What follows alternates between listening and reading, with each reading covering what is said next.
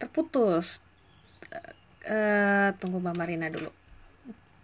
Tadi masih ada dua pertanyaan tentang cocok logi uh, golongan darah ya, golongan darah O dan A yang kaitannya dengan masalah pencernaan. Oke. Okay. Unfragen dulu, hince.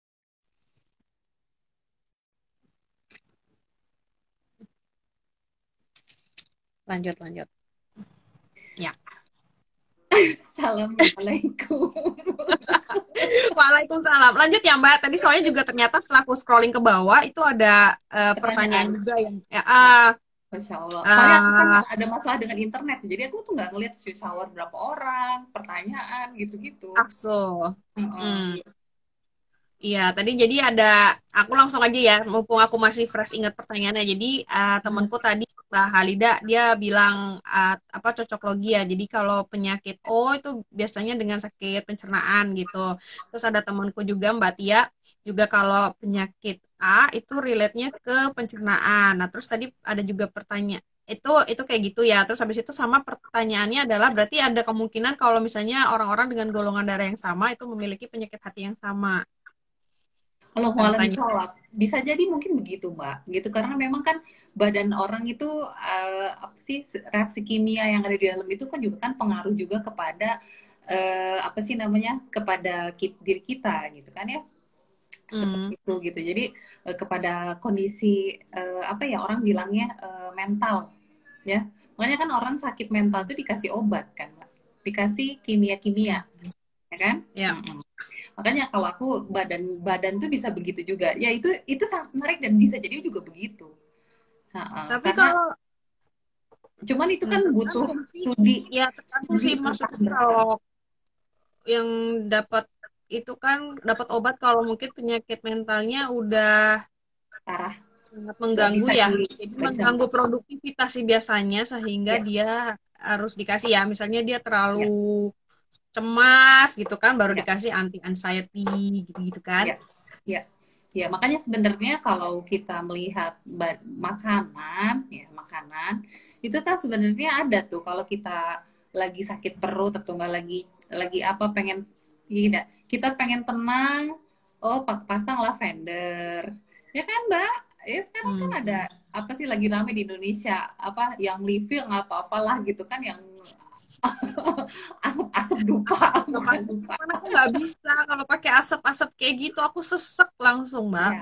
Ya, ya kan beda-beda kan tiap orang ya. Iya. tapi itu salah satu terapinya enak ya Iya kan, itu kan ada satu terapi yang begitu juga kan. Uh, jadi ada terapi begitu, ada terapi begini gitu. Jadi sebenarnya kan uh, memasukkan sesuatu apa itu dari makanan, apa dari udara, apa dari nggak tahu apa gitu kan masuk ya. ke dalam tubuh ya. Iya masuk ke dalam tubuh masalah kemudian uh, penyakit uh, darah yang golongan darah sama kemudian punya penyakit hati yang sama Allah malam itu sangat menarik buat di buat di apa sih namanya diteliti gitu. Oh, nah, ya silakan aja kalau mau teliti ha? kenapa? PR buat mbak. Saya butuh data kesehatan dulu dong nanti aku buat analisisnya secara secara saintisnya gitu ya sainsnya jadi uh, ya itu alam gitu ya bisa jadi begitu. Allah alam itu masih banyak sekali apa sih namanya uh, uh, apa ya bahan-bahan uh, penelitian. Bisa dibayangkan kan menarik dunia penelitian itu gitu. Karena memang banyak oh, sekali aja Deswegen ya, Deswegen makanya orang sekolah itu menarik tuh di situ. Kalau yang benar-benar pengen sekolah ya bukan karena hanya sekedar dapat titel gitu kan ya iya. gitu, gitu. karena memang kita e, ingin membuktikan banyak hal gitu kan. Kayak aku. Mm-mm, seperti itu. Maka dari itu uh, ya insya Allah gitu uh, yang paling penting adalah sekarang gitu ya. Buat kita gitu. Kita ber, uh, mengerjakan segala sesuatunya sekarang hari ini gitu kan. Bagaimana caranya kita mem- mengontrol memonitor kondisi kita. Dan itu dimasukkan ke dalam uh, apa sih namanya muhasabah kita setiap hari gitu kan. Dan kemudian setelah itu tentu sama seperti masalah mental setelah itu kita butuh gitu gimana Rasulullah makan gimana teori makan yang baik gimana secara kalau kita punya penyakit bawaan berarti kita harus mempelajari penyakit bawaan kita tuh apa ya. Yang nggak boleh apa yang harus dihindari apa. Terus bagaimana kita uh, buat semua itu uh, jadwal kita sesuai dengan penyakit kita gitu. Jangan juga kemudian kita misalnya aku punya asma gitu. Tapi aku nggak uh, buat jadwal seakan-akan aku nggak punya penyakit itu itu kan stres terus gitu Ya, jadi kita juga harus realistis gitu sama diri kita sendiri dengan kondisi kita. Oh, saya punya penyakit ini gitu ya. Aku nggak bisa. Ya, kayaknya obat ya. Maksudnya uh, kalau udah di titik tertentu harus berobat gitu. Kadang-kadang suka ada yang tetap kekeh nggak mau berobat kan. Itu ya. yang di situ ya. juga sedih sih karena kayak maksudnya pada saat kayak aku praktek dulu tuh eh, dibiarkan gitu, dibiarkan eh, ada yang dengan dia mentreatment sendiri, ada yang memang dibiarkan dan tidak diapa-apain, dan ketika datang itu kita juga udah nggak bisa membantu banyak gitu karena cuspet gitu kan udah terlambat gitu yeah. Yeah. dan kadang tuh kita sebagai tim medisnya tuh jadi kayak kena getahnya gitu loh mbak. Kayak ini kenapa nggak ditangani? Atau misalnya hmm, emang nggak nggak dia papain gitu. Nah kadang-kadang tuh mungkin juga bukan karena nggak bisa dia papain ya karena mungkin datang tuh udah juga terlambat gitu. Sedangkan mungkin kalau pada saat si badan itu ngasih alarm-alarm pada saat pertama kali itu dan langsung mungkin datang untuk konsultasi atau gimana itu akan jauh lebih helpful gitu daripada ketika yeah. udah late stage baru datang sama sama dengan mental juga kan gitu mbak kita punya ya, sama. juga begitu kan kalau udah terlalu telat gitu untuk datang itu udah ya nggak ketolong lagi gitu tapi kan dari awal dia sebenarnya badannya udah ngasih sinyal terus hatinya udah ya. ngasih sinyal dulu sakit hati mulu gitu makanya kita kan kalau udah marah-marah terus sakit hati terus dendam udah penyakit hmm. hati itu muncul semua berarti kita harus sudah alert gitu. Kita ada masalah dengan mental ini gitu kan. Uh, kok saya nggak bisa maafin dia kok dan kayak gitu harus terus cepet gitu. Kalau kita udah ada cemas apa terlalu berlebihan ya maksudnya uh, mikir ya. wah terlalu berlebih-lebihan. Uh, kita seperti uh, apa sih cinta dunia gitu ya uh, dan panjang angan-angan gitu. Kita harus udah cepet gitu jangan soalnya orang yang membiarkan itu terjadi maka dia akan jatuh ke anxiety itu gitu kan. Kemudian jadi cemas berlebih-lebihan nggak bisa dikontrol akhirnya dia setiap ngelihat apa oh mikirnya jauh banget gitu. Sampai akhirnya dia nggak bisa tidur nggak bisa kan itu ya orang ya. kemudian insomnia segala macem. Ya dan kemudian udah dari insomnia itu udah lagi. Akhirnya ujung-ujungnya obat obat akhirnya obatnya yang udah ada isinya morfin ya apa udah udah mulai mengacurkan badan dia gitu loh. Ya karena dia supaya dia bisa tidur normal itu gitu. Ya udah udah jadi kacau gitu. Makanya di sini gitu. Eh, kita udah membahas bagaimana kita punya alat gitu ya alarm buat eh, masalah mental kita gitu. Dan kita juga harus punya alarm buat masalah kesehatan kita gitu. Sehingga akhirnya memang benar-benar kita tiap hari produktivitas kita itulah sebagai ukuran. Karena kalau kita nggak nggak produktif gitu apa pun yang mengcancel produktivitas kita itu apa itu dalam urusan rumah urusan e, masyarakat ya bareng-bareng sama orang. Ya itulah itu gitu ya kita uh, terus-terusan. Makanya kalau untuk orang yang masih sehat nih gitu ya, uh, beraktivitas lah gitu, ber bareng ketemu orang hmm. gitu. Kalau masih ya Mbak, aku tuh sakit hati terus, akhirnya saya memisahkan diri. Ya berarti kan ngeri gitu.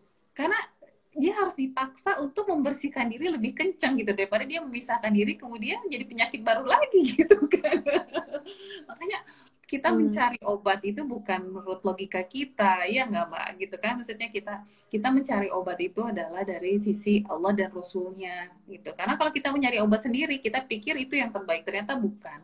Oke benar sampai di tahap tertentu memang mungkin obatnya memang harus memisahkan diri tapi sampai kapan di mana juga gitu baru bisa diaplikasikan hal itu gitu ya. Makanya kita juga e, balik lagi harus kepada Allah mencari obat juga gitu. Makanya kalau kita sekarang juga secara fisik nggak sehat balik lagi dengan cara makan Rasulullah gitu. Gitu dengan puasa dengan berbekam terus dengan makan yang halal dan toyib. Bekam belum nah, pernah. Kenapa? Pengen bekam belum pernah. Ya aku juga belum pernah ya, bisa bisa tapi di sini, ada tapi di sini Anti udah pernah bilang udah ngasih tahu. Oh, gitu. mana aku masih belum ya nggak apa-apa. Coba kita bagi-bagi gitu ya informasi itu. Tapi yang jelas kita kembali lagi solusi itu baliklah kepada Quran dan Sunnah gitu kan. Intinya di situ. Makanya dan produktivitas kita itulah sebagai tolak ukur ya untuk kita evaluasi setiap hari. Makanya kalau udah terjadi ini sistem ini insya Allah ya. setiap hari kita semakin banyak. ya. Semakin sehat uh, mental, semakin bahagia. Bukan berarti nggak ada kesedihan, bukan berarti nggak ada sakit ya mbak. Itu Aduh. itu semuanya juga bagian dari uh, apa ya? Bagian dari uh, takdir, uh, takdir Allah gitu. Tapi di situlah gitu ya kita kemudian belajar. Oh, bangkit, saya sakit ya. Uh, bangkit. Yang jadi masalah itu jangan sampai gini. Hmm, kita emang dikasih uh, lahir modalnya udah sehat tapi kita kemudian di umur tertentu wah sakit macam-macam ya. Hmm. nah ini kan kita tuh dilahirkan fitrah bersih sama Allah. Sehat. Apalagi kalau ibu-ibu mbak-mbak semua dilahirkan sehat. Nggak seperti aku misalnya yang udah dari awal dari lahir emang udah paru-paru udah ada sesuatu lah gitu kan ya. Uh, tapi yang aku pikir ya kalau emang ada sesuatu ya aku akan melakukan terbaik sampai akhirnya fungsi paru aku bisa jadi lebih bagus daripada orang yang nggak sakit itu gitu loh. Nah itu gitu. Jadi jangan sampai kita ini di titik tertentu ternyata udah minus, udah sakit ini, udah sakit itu, segala macam gitu. Ya bisa jadi bukan sakit-sakit yang besar ya mbak, tapi sakit-sakit kecil yang yang membuat produktivitas kita banyak sekali. Enggak ya. Vertigo aku udah paling sebel kalau udah mulai migrain. Nah, vertigo. vertigo itu kan kayak hari itu kayak uh, aku nggak bisa ngapa-ngapain. Ya, nah itu gitu-gitu, yang gitu-gitu ya, aku aja juga warning sih kalau itu udah sering itu pasti ada sesuatu yang nggak bener iya makanya kita balik lagi kepada solusinya itu kepada Allah dan Rasulnya. Insya Allah gitu. Semua aturan aturan makan aturan hidup aturan berpikir merasa itu kan ada aturannya ya. Semuanya dalam Islam itu diatur gitu. Nggak boleh ngerasa gini nggak boleh ngerasa gitu. Nggak boleh naidi sama orang. Nggak boleh ini nggak boleh makan ini nggak boleh makan itu kan. Ya udah ada aturannya. Terus cara makan tuh gimana? Puasa tuh berapa nah, banyak? makan? Ini nih loh makan. Misalnya nih ya uh, Iya kan, maksudnya di rumahnya dua orang dewasa ya. Eh enggak, dua orang dewasa dan satu anak kecil. Nah, hmm. yang satu ini dia harus uh, mengurangi berat badan nih misalnya ya kan. Ya. Karena udah ya maksudnya itu udah warning banget itu kalau uh, dibiarkan. Nah, yang satunya misalnya di tengah-tengah nih, aman lah maksudnya untuk sebenarnya makan nggak terlalu ya harus gimana banget gitu kan. Dan ada hmm. anak kecil nih ya kan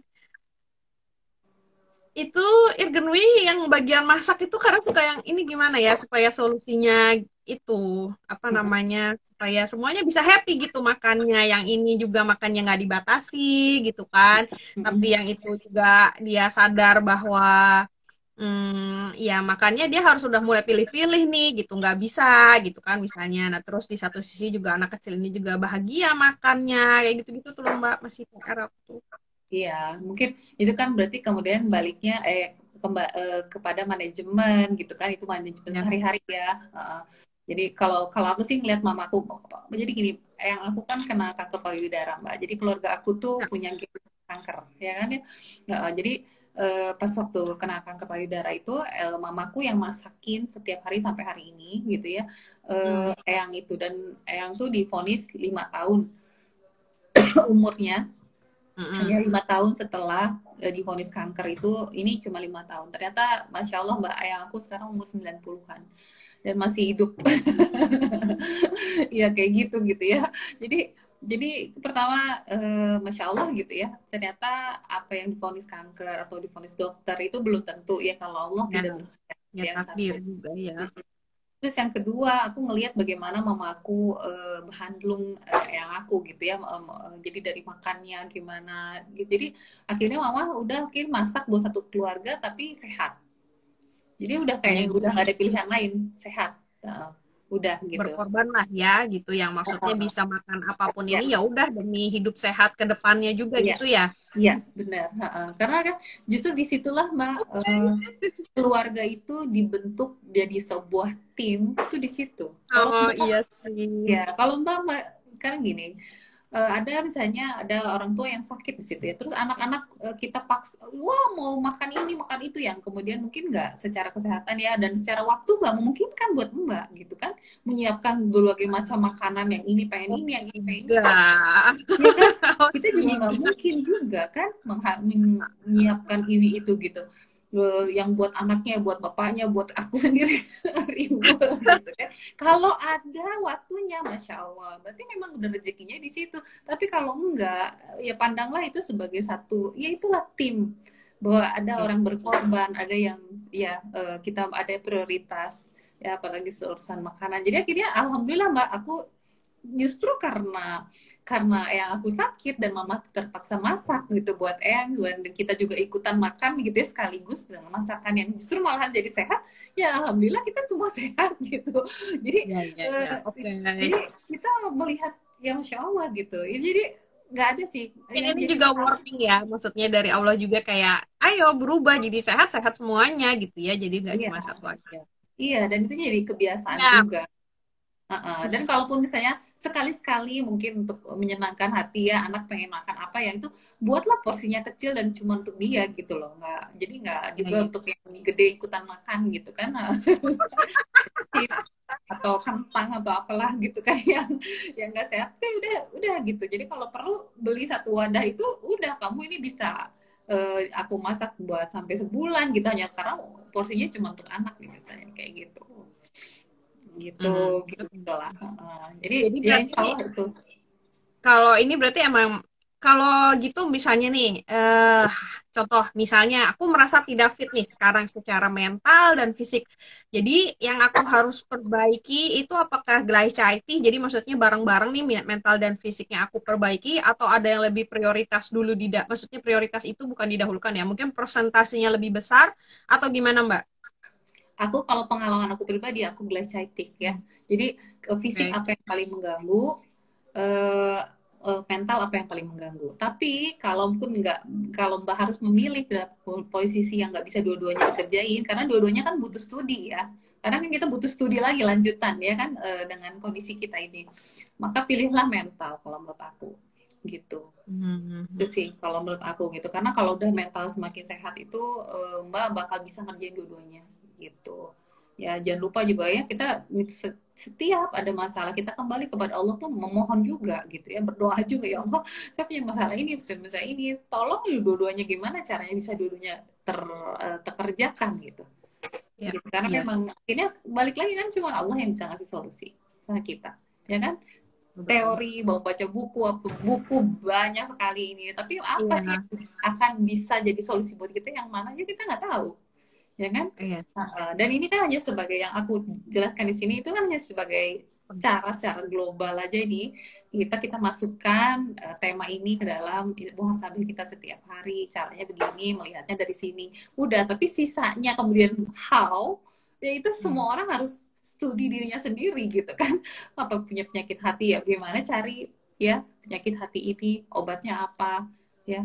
Kalau misalnya penyakit itu udah jadi penyakit mental berarti ke mana atau apa yang harus dikerjakan ya kan?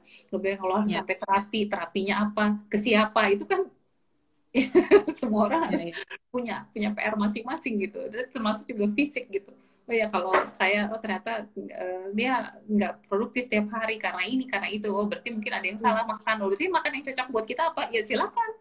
Terus studi lagi kan nah, gitu. Makanya kita harus belajar belajar terus. Insya Allah mbak kalau kita belajar nanti kita uh, ngadepin megang anak, megang suami itu, megang siapa pun, apalagi kan ibu itu kan sentral ya buat dalam sebuah keluarga itu. Jadi insya Allah kita juga akan lebih gitu. Jadi nggak jangan bisa mikirin ah aku pikirin diri sendiri terus nanti anakku gimana suamiku. Nggak pasti akan glycitic juga kita akan ada kontribusinya jadi ngerti juga oh ternyata gini ternyata gitu gitu. Insya Allah itu iya. solusinya juga uh, kalau uh, seorang ibu mengedukasi dirinya maka yang uh, mendapatkan keuntungan tuh kan bukan cuma dirinya sendiri tapi keluarganya juga gitu. Insya Allah ya. bahkan masyarakat sekeliling gitu. Makanya jadi ya jangan takut. Jadi kita mau mengevaluasi diri insya Allah nanti kita juga lama-lama melihat anak kita melihat suami kita tuh dengan kacamata yang dengan pemahaman yang baru itu gitu. Jadi akhirnya ya. kita juga melihat solusi-solusi dari masalah juga cepat gitu. Oh ini kayaknya ini mesti gini ini mesti gini gitu. Insya Allah kayak gitu mbak. Nah Tadi kalau untuk saham fisiknya sendiri? Kenapa kalau untuk kesehatan fisiknya sendiri itu yang duluan apa Mbak? Maksudnya ya ya tergantung kebutuhan kita juga ya berarti ya. Maksudnya ya. apakah mungkin tidurnya dulu yang diperbaiki atau jadi ya. gara-gara kan ini lagi belajar tentang self care gitu kan. Hmm, gara-gara ini sebenarnya aku jadi jadi tertarik untuk lebih belajar lagi gitu kan untuk uh, tema kesehatan mental ini juga dan kesehatan psikis. Akhirnya aku uh, kok ya pas gitu kayak semuanya mendukung kok aku ketemu dengan uh, tema self care ini gitu ya. Emang kitanya harus perhatian sama diri kita sendiri. Nah, terus nah self care ini di antaranya tuh juga ya itu. Contohnya kayak ada tidur contohnya. Nah sekarang ada tidur ada makan yang uh, ya seperti itulah. Nah sekarang maksud aku itu balik lagi ke kita jadi sampai eh, balik lagi tadi kayak muhasabah diri kita sendiri terus kita butuhnya apa dan kita tentukan mana yang um, apa ya prioritas untuk uh, supaya kita jadi lebih sehat dan fit duluan atau ya udah semuanya dilakuin gitu. Ya tidur diperbaiki ya olahraga ya makanan ya apalah segala macam-macam yeah. atau kayak gitu gitu loh mbak. Sedangkan kan kalau itu buat aku ya itu kayak too much gitu too much. Dan kita jadi ngelakuinnya serabutan gitu kan. Yeah, overwhelming nah, itu, juga. overwhelming juga kalau menurut aku.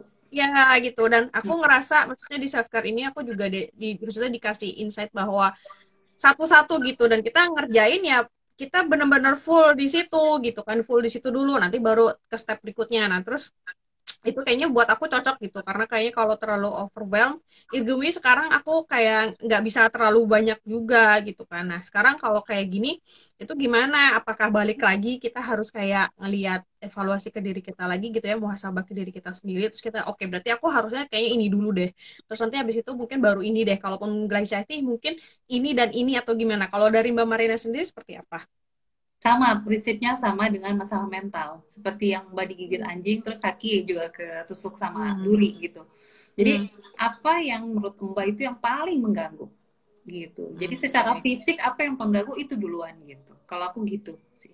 Jadi itu yang harus ditangani dulu di tackle hmm. duluan gitu. Karena uh, dan dan bisa jadi ketika di tackle ini udah agak mendingan terus muncul yang lain. Jadi kalau aku uh, dinamis mbak. Jadi aku nggak satu ini selesai soalnya nggak tahu kapan selesai kadang-kadang kita badan iya, juga iya. butuh adaptasi ya kan dengan ya. perubahan segala macam adaptasi dan kita nanti lihat lagi jadi makanya kalau aku ngelihatnya apa yang ya itu seperti yang aku bilang itu kalau digigit anjing terus sama guys sighting dengan waktu yang sama kita juga nginjek duri maka yang kita pikirin uh, yang gigit anjing dulu gitu gimana caranya supaya lepas gitu kan setelah itu hmm. baru bisa mikirin yang uh, ketusuguri gitu nah bisa jadi pas gigit anjing lepas gitu ya kita ambil cepet-cepet durinya kita ambil, pas sudah duri kita ambil baru kita kerasa nih sakitnya, baru kita balik lagi ke sini bisa jadi begitu. Jadi bisa bisa wexel juga sehingga akhirnya kita kalau aku soalnya nggak suka uh, dengan ide bahwa satu nih selesai dulu, satu selesai dulu. Maksudnya kalau untuk memperbaiki diri itu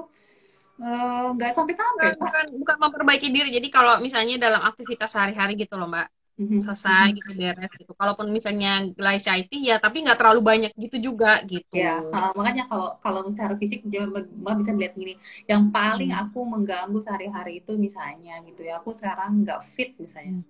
Berarti mbak mikirin gimana caranya nambah fit. Satu aja ambil dulu apa gitu. Yang paling mungkin mbak kerjakan.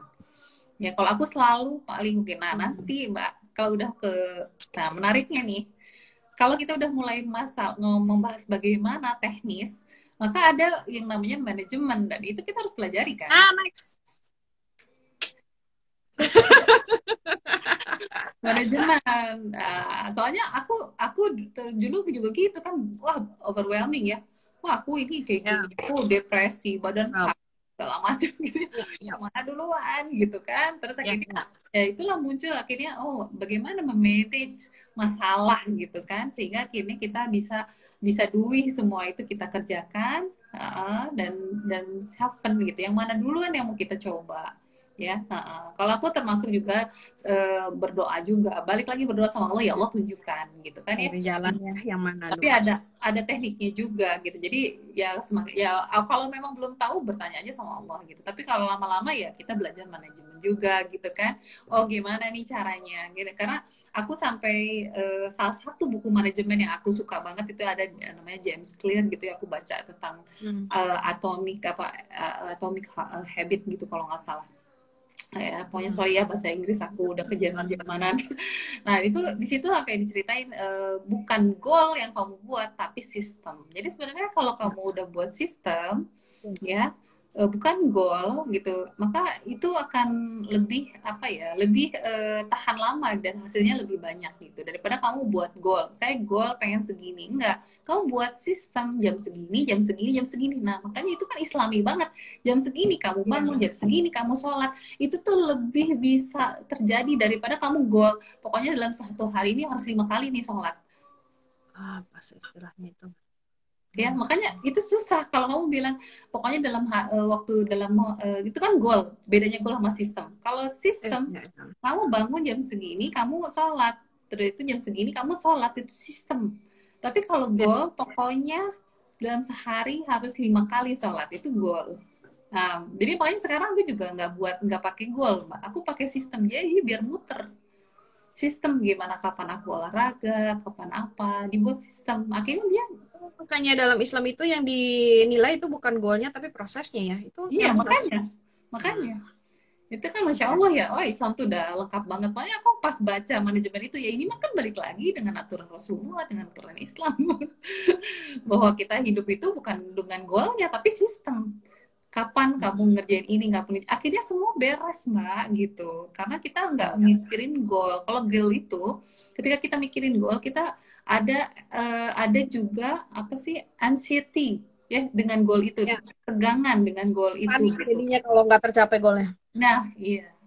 Padahal udah aja gitu. Kerjain uh, sistem. Jadi dibuat sistem. Makanya aku sekarang semua dibuat sistem. Sistem sholat sistem ngaji. Nah itu jadi akhirnya kita tercapai setiap hari gitu kan. Tet, gitu. Ya walaupun masih lemah-lemah tapi lama-lama makin kencang ya, betul gitu. Udah lagi bikin. Iya makanya. Ya di situ. Makanya sekarang kalau mbak mau memperbaiki diri berarti sistemnya harus dirubah. Hmm, okay. jangan dibuat goal. Iya, ibu-ibu punya goal misalnya sepuluh ribu langkah gitu dalam sehari, ya itu masya Allah bagus. Tapi itu nggak akan jalan kalau nggak punya sistem sehari-hari gitu. Ya. Gitu. Ya nanti akan ada waktu di mana situasi kondisi kita nggak terpenuhi. Ya kalau kita nggak punya sistem ya makanya kita yang harus pikirin sistemnya gimana gitu. Supaya itu terpenuhi gitu. Ya, ya. Allah oke. Okay. gitu. Tadi pertanyaan tuh dua mbak. Uh, ya dua. satu, satu lagi apa sih? Aku kurang yang kurang. yang eh golongan darah. Oh ya yang itu. Terus sama kaitannya sama kalau dengan golongan darah yang sama itu punya penyakit hati yang sama. Terus satu okay, lagi itu. Mm-hmm. Tadi udah kan ya udah dijawab ya. Terus mm-hmm. sama yang satunya menanggapi yang golongan darah O tapi dia golongan darahnya A. Oh iya, berarti sama-sama aja. Ini ada nih Uti. Uh, iya, makanya aku mencoba dan mudah-mudahan sebenarnya olahraga di jam yang sama. Ya, itu sistem tuh jam yang sama. Jadi badan akan terbiasa benar. Uh-uh. Dan itu akan lebih tahan lama gitu. Jadi kita akhirnya mengatur segala sesuatu berdasarkan sistem yang baru susah hmm. kalau di, dirubah-rubah nanti nggak akan bertahan gitu. Gitu. Nah ini sistem yang berubah-ubah ini adaptable. Aku kan ya itu deh. Maksudnya aku memang masih ada kendala dalam kondisi adaptable gitu kan. Karena aku orangnya tek tek tek gitu kan. Nah sedangkan kondisi kan dinamis ya kalau kehidupan tuh dinamis gitu. Kayak ya. sekarang aku udah hmm, aku udah tersistem nih tersistem begini gitu. Terus tiba-tiba kayak kemarin tiba-tiba corona gitu kan si bocah harus di rumah gitu kan. Itu kan jadi kayak aku harus mm, beradap aku harus membuat sebuah sistem yang bukan sistem yang baru mungkin aku kayak membuat sistem itu jadi dirubah sedikit sehingga bisa adaptable gitu kan dengan kondisi situasi. Jadi ketika aku udah mulai beradaptasi dengan sistem yang aku buat terus aku aku harus uh, merubah itu lagi sedangkan aku sendiri punya kendala untuk adaptasi gitu. Jadi maksudnya ada bawaan dari dalam diri aku sendiri yang menyebabkan aku memang agak sulit gitu. Aku butuh waktu dibandingkan dengan orang yang mungkin dia sifatnya memang bisa lebih adaptable gitu kan. Ya. kayak gitu tuh. Aku jadi kayak terus habis itu kayak sekarang nih aku sudah beradaptasi kemarin dengan kondisi oke okay, si bocah ada di rumah gitu kan suami ada di rumah terus habis itu ketika udah terbiasa dia kerja Oke, okay, hmm. itu nggak terlalu masalah gitu kan. Nah, terus ketika aku udah mm, berlanjut gitu kan, nah ternyata dia udah bisa sekolah, udah bisa kindergarten lagi gitu kan. Jadi itu kayak buat aku tuh bener-bener yang kayak aku tuh harus berkreasi terus, berkreasi terus, beradaptasi terus ya gitu-gitu sih Mbak. Itu yang Ya. buat aku tuh masih PR banget gitu untuk kondisi dinamis sedangkan model aku orangnya yang lebih tepatnya disiplin kali ya. Maksudnya begitu tek tek tek gitu.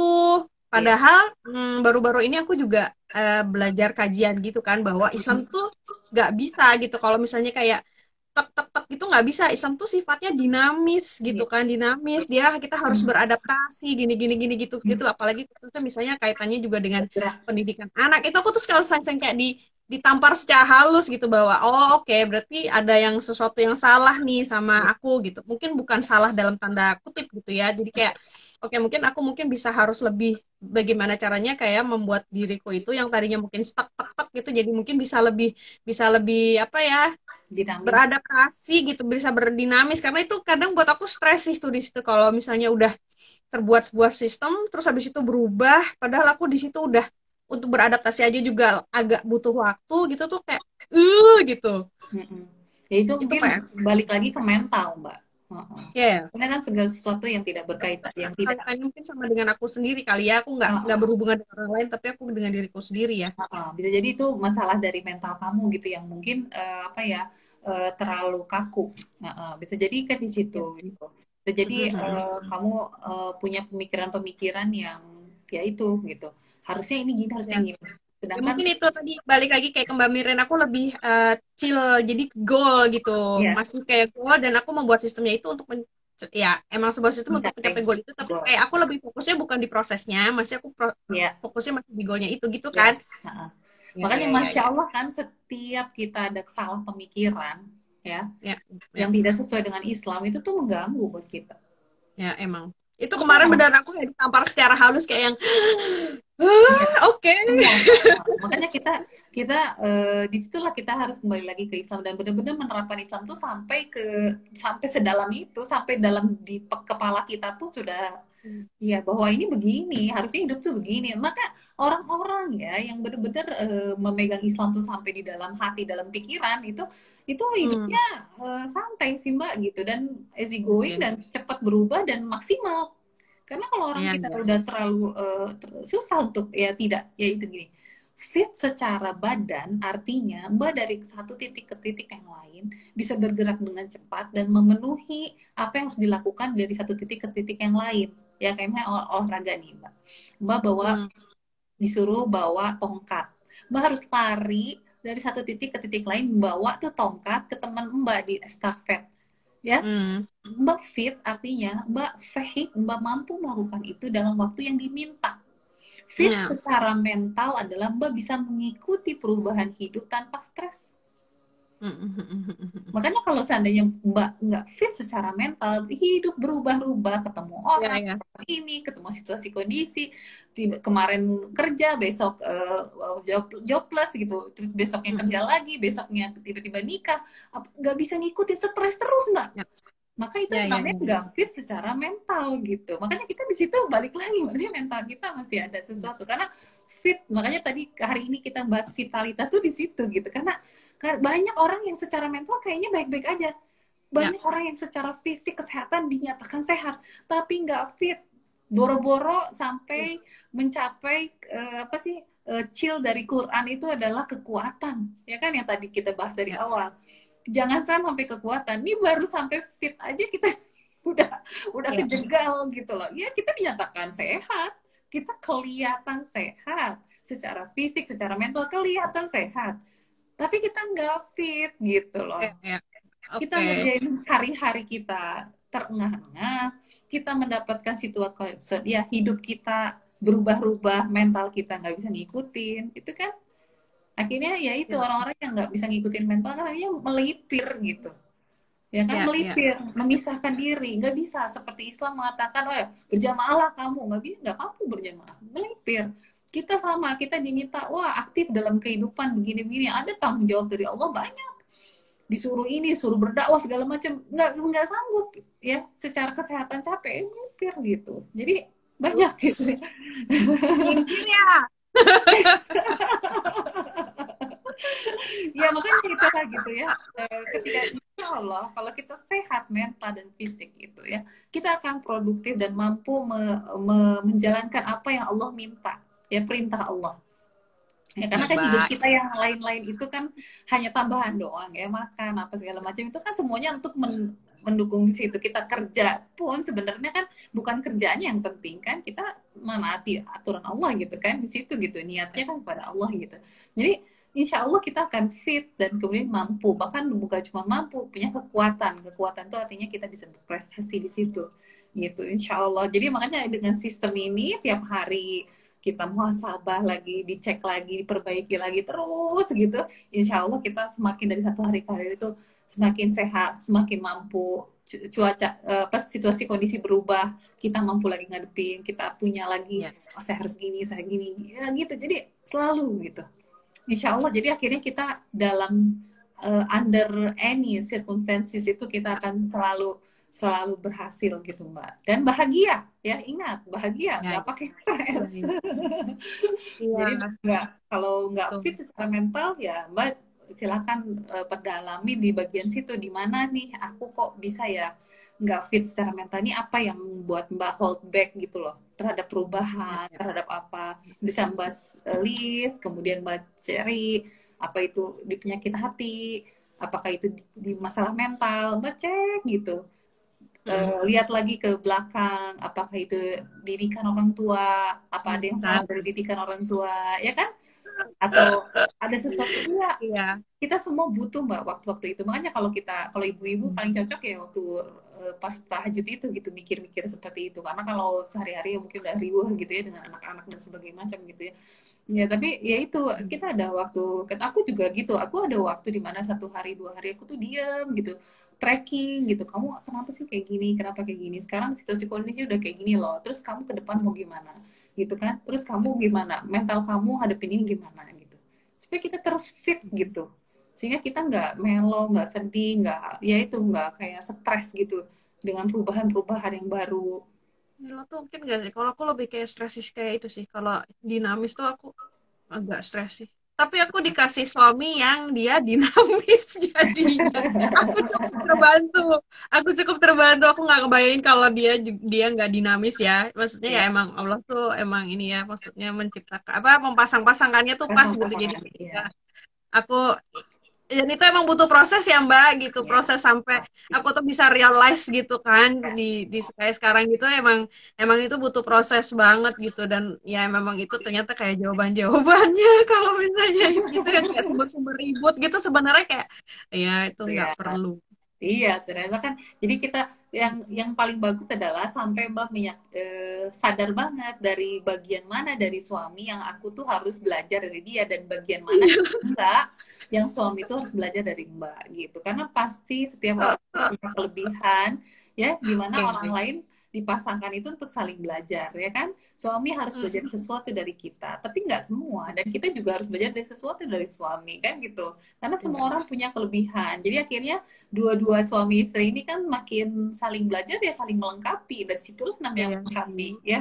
Uh, tapi kalau nggak ada uh, proses belajar ini maka nggak akan pernah uh, ada upgrade ya. Hubungan suami istri itu hanya hanya kunslih doang kalau menurut aku gitu. Karena sebenarnya yang paling penting itu di hubungan belajar itu sih dari suami istri ya menurut aku sebagai orang yang belum nikah gitu ya. Tapi menurut aku gitu ya karena kita selalu menyadari bahwa oh iya suami aku punya kelebihan ini ini yang aku harus belajar dari dia melihat begitu. Dan dia harus juga belajar dari aku di bagian ini gitu. Ya yeah. jadi kita uh, dalam posisi yang setara dan sama-sama ya walaupun punya uh, apa sih namanya punya tanggung jawab yang berbeda tapi kita uh, secara hidup itu apa ya sinkronis terus gitu kan. Seperti yeah. pakaian satu sama lain kan gitu yang dibilangin ya. Jadi akan selalu uh, besarnya tuh bakal selalu match gitu. Nah, luar biasa. yes. nah kayak gitu. Jadi insya Allah mbak. Jadi ya alhamdulillah mbak sekarang udah tahu kan di situ highlightnya. Oh berarti aku tuh kurang di situ. Berarti harusnya aku di sinilah aku belajar sama suami gitu. Jadi pandemi itu benar-benar ini sih banget apa ya banyak hal gitu yang bisa dapat dari situ sih. Beneran kayak oh ternyata gini oh ternyata gini gitu. Jadi kayak banyak hikmahnya sih Iya, iya tapi tapi alhamdulillah kan jadi ibaratnya uh, kita sekarang dengan membahas ini tuh jadi ah, banyak banget gitu kan jadi bisa yeah. maksudnya banyak hal yang kita pikir kita dulu benar gitu yeah. aku salah ya ternyata oh ternyata aku yang salah gitu ya ya tapi nggak apa-apa hmm. gitu ya jadi uh, insya Allah yang berproses ya bagian dari pelajaran gitu dan mudah-mudahan uh, membawa kita semakin uh, berdaya ya maksudnya secara keimanan, secara kebahagiaan di dunia maupun kebahagiaan di akhirat juga tercapai gitu kan. Dan kita juga dalam satu keluarga itu jadi satu tim, ya kan? Karena ya. jangan jangan dibayangkan bahwa ya. juga hanya belajar pada suami dan suami paham mbak, tapi anak juga mbak harus belajar juga sama anak loh. Itu belum bukan berarti anak juga nggak masuk dalam itu gitu. Anak juga punya hal-hal bahkan mungkin lebih fitrah dari kita gitu. Dan kita juga harus belajar juga gitu dari mereka gitu ya. Dan mereka juga ya, kalau kita mereka harus belajar sama kita so iso itu kan sesuatu yang sudah umum gitu ya. Tapi bukan berarti kita juga tidak belajar dari anak-anak gitu. Banyak belajar dari anak-anak dan banyak berpikir juga dari mereka. Apa yang mereka bilang apa yang mereka uh, kerjakan. Ya ya seperti itu. Ya insya Allah. Jadi akhirnya uh, dengan produktivitas yang kita uh, kerjain tiap hari ini kita banyak sekali belajar dan setiap hari itu menjadi satu batu bata yang baru untuk naik ke atas. Gitu. Yeah. bukan hanya bukan hanya apa ya muter-muter di situ. Tiap hari cuma menangisi sakit hati sama tetangga nggak bisa dimaafin. Terus ya itu gitu ya. Terus akhirnya mengambil langkah nah, untungnya enggak aku ya, kayak atau gitu. enggak. Ya atau enggak kemudian tiap hari hanya sakit gara-gara salah makan. Nanti salah makan lagi salah makan terus ya gitu tapi nggak ada yang mau dia rubah gitu. Itu kan terus akhirnya lama-lama ke dokter kemudian uh, terjadi sesuatu nauzubillah minalik gitu. Dan itu banyak mbak. Orang begitu banyak. Iya gitu ya karena nggak punya awareness gitu sama badannya, sama fisiknya, sama mentalnya. Sehingga akhirnya setiap hari itu hanya akan menambah satu bukannya menambah satu batu bata untuk lebih sehat tapi malahan mengambil batu bata yang ada dirusak diambil lagi dirusak. Ya kan gitu. Ini ada pertanyaan Mbak. Ya, dari Mbak Bena ya, Mbak Mbak apakah biasa rutin berolahraga? Kalau saya jawabannya saya sedang berusaha karena kebetulan ibu-ibu di Hanover ini lagi rajin-rajinnya olahraga. Jadi saya ketularan hmm. energi positif dari mereka sih. Terus gimanakah kebiasaan olahraga sehari-harinya? Eh, nah ini kalau tadi saya kalau aku dulu jawab kali ya Mbak. Boleh, boleh, boleh. Nah, kalau saya gimana kak biasa olahraga sehari-harinya? Kalau saya ini terus terang ini masih pemula banget, masih anggot-anggotan juga gitu. Jadi hmm, emang butuh kayak support sih untuk bisa jadi sebuah kebiasaan olahraga yang rutin. Cuman tadi karena saya lagi ketularan energi positif dari teman-teman, jadi dari ibu-ibu di Hanover ini, hmm, jadi saya berusaha sih, uh, apakah jalan kaki sama kayak mereka gitu ya, 10.000 langkah itu, atau mungkin saya mau apa namanya lari lagi gitu. Beberapa kali suka juga lari sih gitu. Itu enak. Kebetulan ada trek yang menyenangkan di dekat rumah ini. Jadi itu bisa. Dan saya biasanya milih karena ini summer jadi kalau nggak pagi banget tuh jam-jam berapa ya? Jam 6 jam 7 jam 7 atau uh, biasanya saya sore. Enak banget tuh kalau udah di jam 6 jam 7 malam itu enak banget. Terus Ya, dan aku setuju sih olahraga positif banget efeknya bikin happy. Ya, aku juga setuju. Kalau misalnya habis olahraga aku airsoft ya, apa sih yang exhausted gitu, itu aku ngera itu berarti kau kayak udah warning sih kalau aku berarti itu ada yang sesuatu yang salah karena harusnya kalau olahraga itu bikin sebentar, kalau aku tidak salah ingat itu sebenarnya ada kayak mengeluarkan hormon-hormon bahagia sebenarnya kalau olahraga. Correct me if I'm wrong ya, Mbak ataupun siapa aja yang lagi dengar ini. Jadi ketika misalnya kita ngerasa setelah olahraga itu nggak happy atau misalnya kayak capean, kayak kelelahan, itu kemungkinan mungkin olahraganya ada sesuatu yang kurang sesuai gitu. Kalau aku ya, aku gitu. Kalau secara ilmunya aku kebetulan uh, sedang tidak mempelajari itu dan aku sudah agak-agak lupa. Jadi aku berdasarkan pengalaman aku aja gitu. Nah, kalau Mbak Marina mungkin Iya, kalau um, apakah biasa rutin olahraga? Kenapa? Apakah biasa rutin olahraga? Iya. Karena aku aku sebenarnya kan emang orang olahraga, Mbak, ya. Jadi aku Iya banget. olahraga. Jadi dulu sebelum aku uh, kungfu, aku uh, apa sih namanya kendo ya kan nah, sebelum kendo hmm. aku lari tiap minggu tuh di yang enam putaran lapangan sepak bola dalam waktu 15 menit itu loh ya kayak gitu di Sabuga Iya, dia, ya, kan kalau di ITB kan dulu ada ini trackingnya sendiri kan nah, untuk nada Iya, lari. iya. Nah, Gede ya. banget itu. Kenapa? Gede banget.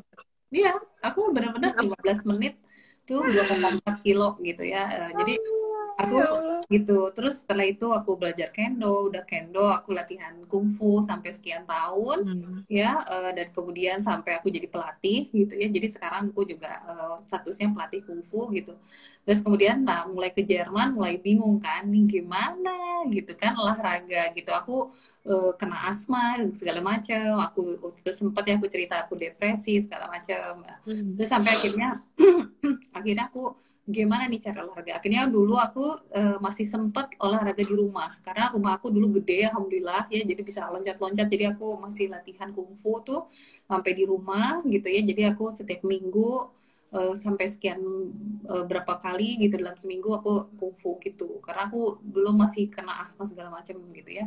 Asma aku alhamdulillah karena behandlung yang aku ceritakan sekarang ini ya dengan dengan cara aku tiap hari eh, apa sih namanya muhasabah perbaikan eh, masalah mental dan masalah kesehatan. Alhamdulillah aku sekarang masya Allah gitu ya aku juga eh, eh, apa ya kaget juga gitu. Aku tinggal sekarang di Kiel sangat dingin tapi aku alhamdulillah baik-baik aja gitu ya nggak sampai perlu pakai jaket karena orang lain ada yang pakai jaket winter eh, di Kiel itu eh, zaman summer ini mbak Tapi ini summernya mah agak sejuk sih, alhamdulillah. Ya, tapi kalau dikit tuh bisa sampai keluar pakai jaket winter gitu orang gitu. Saking anginnya tuh kan angin angin laut ya. Ya, Eh, ya, ya, ya, aku ya, itu anginnya dingin. eh, nggak ada masalah dengan itu gitu ya. Aku sehat-sehat aja gitu. Dan tapi karena kemudian aku kerja, makanya aku eh, ambil rumah yang jalan kaki ke Hauptbahnhof, jalan kaki ke tempat kerja. Jadi aku jalan sampai ribuan dalam dalam sehari. Walaupun nggak sampai seperti ibu-ibu sepuluh ribu, paling sampai enam ribu, delapan ribu gitu ya. Kalau hari kerja. Kalau zaman corona ya gitu, aku udah mulai sekarang skating gitu kan. Terus aku juga punya Hmm. sepeda. Aku punya berbagai macam. Karena aku emang cinta banget olahraga gitu ya. Jadi se aku eh, olahraga itu aku sesuaikan dengan situasi kondisi. Nah, yang masalah dinamis ini, Mbak. Karena aku hidup ya eh, dengan ujian-ujian dari Allah itu kan dinamis Ya. terus nih. Baru kerja ini iya, harus betul, pindah betul. ke mana, aku harus gini.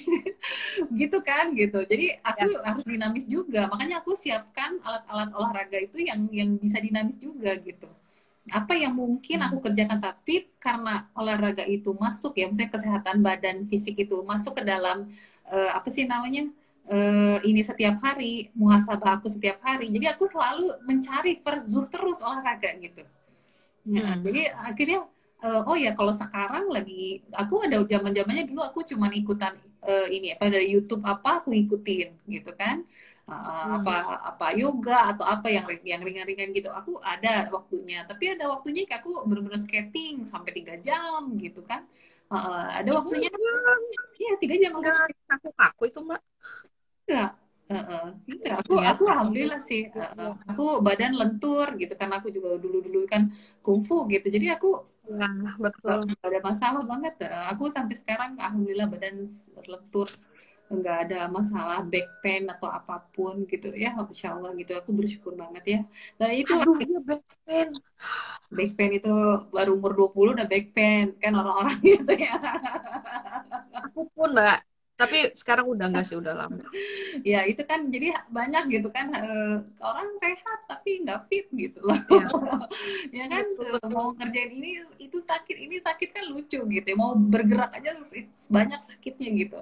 Ya kan padahal umur belum juga di situ. Kalau dalam Islam umur 40 itu masih dikatakan pemuda, Mbak.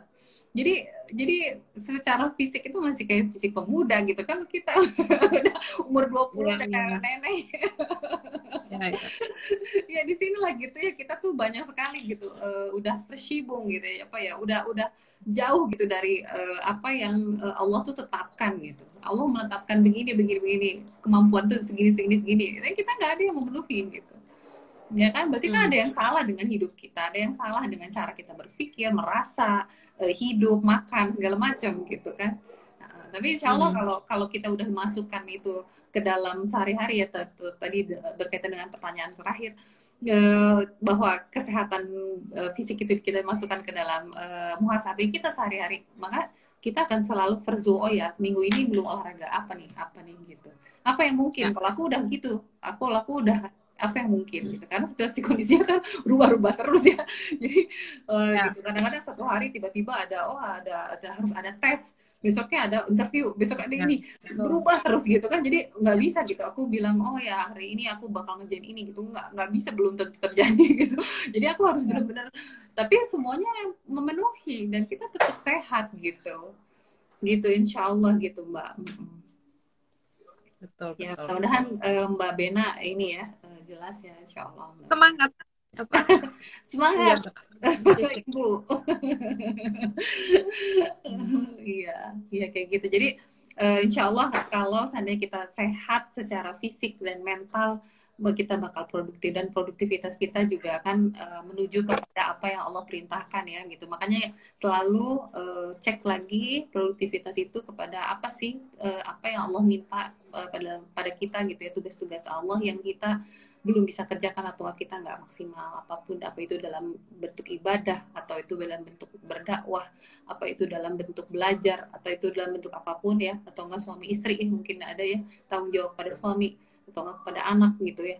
Itu coba diperhatikan gitu ya insya Allah uh, dari situ kita akan buat oh ya apa yang kurang. Apa yang kurang? Oh mental apa yang kurang di mental? Oh, penyakit hati kah? Ya uh, atau mungkin penyakit uh, dalam fisik lah gitu ya jadi kalau kita terus-terusan uh, keep watching gitu ya diri kita sendiri insya Allah kita akan cepat sekali. Jangan sampai kita ya ditampar ujuk-ujuk gitu ya. Ditampar ujuk-ujuk gitu ditampar tiba-tiba gitu. Ditampar tiba-tiba wah anda difonis penyakit tertentu. Gitu ya. ya nauzubillah minalik ya karena kita terus gitu. Nah, oh ini kayaknya ada penyakit ini. Cepat gitu. Dengan teknis yang tadi ya rukiah dulu kemudian apa setelah rukyah kita uh, uh, herbal dulu ya apa yang dari Rasulullah obat-obat itu. Kemudian baru obat-obat yang ringan yang obat waru mungkin yang biasa panadol atau apa. Baru kemudian dokter. Dokter baru kemudian berikut berikut berikutnya. Tapi insya Allah kalau kita lakukan semua ini insya Allah kita uh, teorinya harus sehat. Preventif. Preventif daripada kuratif. Iya benar. Preventif dan lebih ke kuratif jadi bukan nunggu dulu sakit atau enggak kita enggak nggak peduli sama badan kita. Ya, ya. pikiran udah salah kita nggak peduli sama badan kita. Ya kan? Terus akhirnya di tujuh itu kita sakit apa gitu? Nauzubillah ya. Walaupun kita tetap aja ya tetap terlepas dari itu semua ada orang-orang yang memang dikasih sama Allah penyakit seperti juga para nabi gitu ya. Ada yang sakit tiba-tiba dari langit tunjuk jatuh itu ada gitu ya. Tapi tapi e, ini bukan bukan untuk me, apa sih menjudge orang lain tapi untuk diri kita sendiri di hadapan Allah. Ketika kita tiba-tiba dikasih sakit kita bisa bilang ya Allah sungguh saya tuh udah berusaha sampai dari tiap hari begini gitu. Kalau sana ini terjadi ya mudah-mudahan ini memang ujian darimu bukan karena kesalahan aku gitu loh ya kan? Nah, uh, ya bukan untuk menjudge orang oh orang itu sakit tiba-tiba pasti tuh dia selama ini nggak pernah peduli sama sakit itu kita nggak perlu lah gitu ya. Uh, itu urusan masing-masing. Tapi yang paling penting diri kita lah gitu. Jadi kita gitu. Kalau seandainya ternyata kita tiba-tiba sakit dan itu kita sadari oh ternyata memang selama ini saya nggak peduli sama badan saya. Saya nggak pernah evaluasi itu. Saya nggak pernah mikir ya apa yang Rasulullah minta. Aku nggak pernah puasa. Aku nggak pernah ya makan yang seperti yang Rasulullah ajarkan cara makan berhenti sebelum kenyang aja nggak sanggup gitu selalu udah berhenti kalau udah terap gitu. Kalau orang sudah bilang tau nggak terap? Uh, udah kayak gitu Astagfirullah. Berarti itu udah kekenyangan gitu kan itu bahaya banget gitu kan. Kalau aku termasuk yang benar-benar hati-hati gitu. Kalau berarti sebelum kenyang itu benar-benar soalnya itu kerasa kalau udah ini langsung kembung karena kita sekarang udah berusaha ya mbak merubah itu. Jadi uh, hmm. kalau kelebihan mbak dikit itu aku langsung kembung mbak. Jadi aku nggak bisa sholat. Oh. jadi pas sholat iya, tuh uh, gitu. Uh, pengen gitu terus sampai ya allah ini kelebihan. ya. uh, kelebihan nih cuman berapa ya? Satu mangkok nih kelebihan. Itu itu kan ngasih ngasih tengah mbak Wan nggak bisa berhenti sih mbak. Gimana Makanya kalau aku pakai cara juga, berarti sebelumnya puasa, sesudahnya puasa gitu, Mbak. Ada loh. Baru buka pembawan ya. Ini baca dulu Bismillah, taus dulu supaya bakwannya nggak jadi janji makan terus. terus di di, di jeda-jeda dan aku kalau udah lagi pengen yang begitu-gitu mbak pertama minyaknya harus aku perbaiki ya minyak sekali pakai atau enggak ganti yang memang benar-benar bagus terus yang kedua yeah. gitu kan uh, apa sih namanya uh, dimasak juga. Kemudian dimakan dan kemudian hari itu aku sama sekali nggak makan makanan lain biasanya gitu mbak. Aku udah nggak ngemil nggak apa cuman makan itu aja gitu. Kalau hmm. aku lagi pengen banget itu gitu. Mantep ya Uh, karena banyak kan makannya udah senang banget gitu makan bakwan. nah gitu kalau aku termasuk begitu mbak. Jadi ya ya kita masih punya lah kita manusia biasa ya punya uh, keinginan masih punya nafsu lah pengen makan ini itu gitu kan. Ya tapi ya tapi gitu kita harus sadar oh ya ini uh, ini kalau dibilang sehat banget enggak gitu. Jadi gimana caranya dibuat sehat? Oh minyaknya diganti ini gini. Terus berarti kita makannya juga udah makan ini aja nggak perlu makan yang lain nggak. Kemudian coklat itu chip itu ya ya. Ya itu sih ya gimana gitu ya. Makanya kita jadi harus ada perubahan-perubahan juga di ya, akhirnya kita menjaga hati-hati gitu. Dan dan ya alhamdulillah aku juga eh, karena udah tahu gitu itu nggak sehat akhirnya aku makan bawang kalau di rumah itu paling dalam satu tahun tuh bisa cuma tiga kali aku buat mbak. Hmm. gitu. jadi emang bener-bener kita jadi lus kita juga berkurang gitu bukan aku paksa-paksain ya mbak. Itu emang bener-bener begitu gitu. Gitu. Jadi ya ya alhamdulillah gitu. Jadi banyak hal itu e, berubah pelan-pelan kan. Jadi akhirnya nyaman-nyaman aja gitu. Insya Allah hmm. Oh, oh. masih banyak PR-nya iya selalu iya Uh, terima kasih banyak ya Mbak. Hari ini uh, tercerahkan gitu untuk tema apa ya kesehatan fisik gitu. Emang sih jadi seperti biasa kalau habis dengerin itu pasti kayak merasa PR-nya banyak gitu. Ya mudah-mudahan lah maksudnya pelan-pelan yang penting terus berproses ya menuju uh, ke arah yang lebih baik gitu. Insya Allah ya pokoknya hmm. jangan dipikirin oh saya nanti game masih banyak ya santai aja lah gitu. Ini ini untuk lifetime kita kerjain ya. ini untuk lifetime. Insya Allah nanti lama-lama kita profit pak. Aku udah ngerjain sistem begini ya itu udah sekitar tujuh tahun enam tahun lah ya enam tahun lah kurang lebih. Alhamdulillah mbak. Aku ngerasa wah masya allah gitu ya banyak. Walaupun aku masih banyak cil cil cil aku sampai yang paling aku pengen banget adalah selain sehat fisik dan ini ya. Jadi aku secara kesehatan itu aku pengen aku bisa sampai duduk baca Al-Quran tuh sekali duduk gitu. Ya itu gitu ya. Terus kemudian bisa yeah. hafal Al-Quran gitu dalam sehari gitu. Jadi apa pun circumstancesnya aku bisa shuffle. Nah itu kalau udah dapet tuh di ah, itu masya Allah bakal sebentar banget selesai gitu. Jadi kan tapi itu aku pengen sebagai sistem ya bukan sebagai goal. Karena kalau sebagai sistem tuh kita akan lifetime ya kerjain itu gitu sampai benar-benar kita hafal itu bukan sebagai sesuatu yang goal selesai kemudian lupa lagi gitu kan buat apa? Ya hmm. kita akan jaga gitu gitu. Nah aku itu yang aku sampai sekarang masih aku kejar terus ya. Dan karena aku yakin itu itu membutuhkan kesehatan kekuatan mental sih bersih hati ya. Hmm. Mbak, loading. Mbak Marina.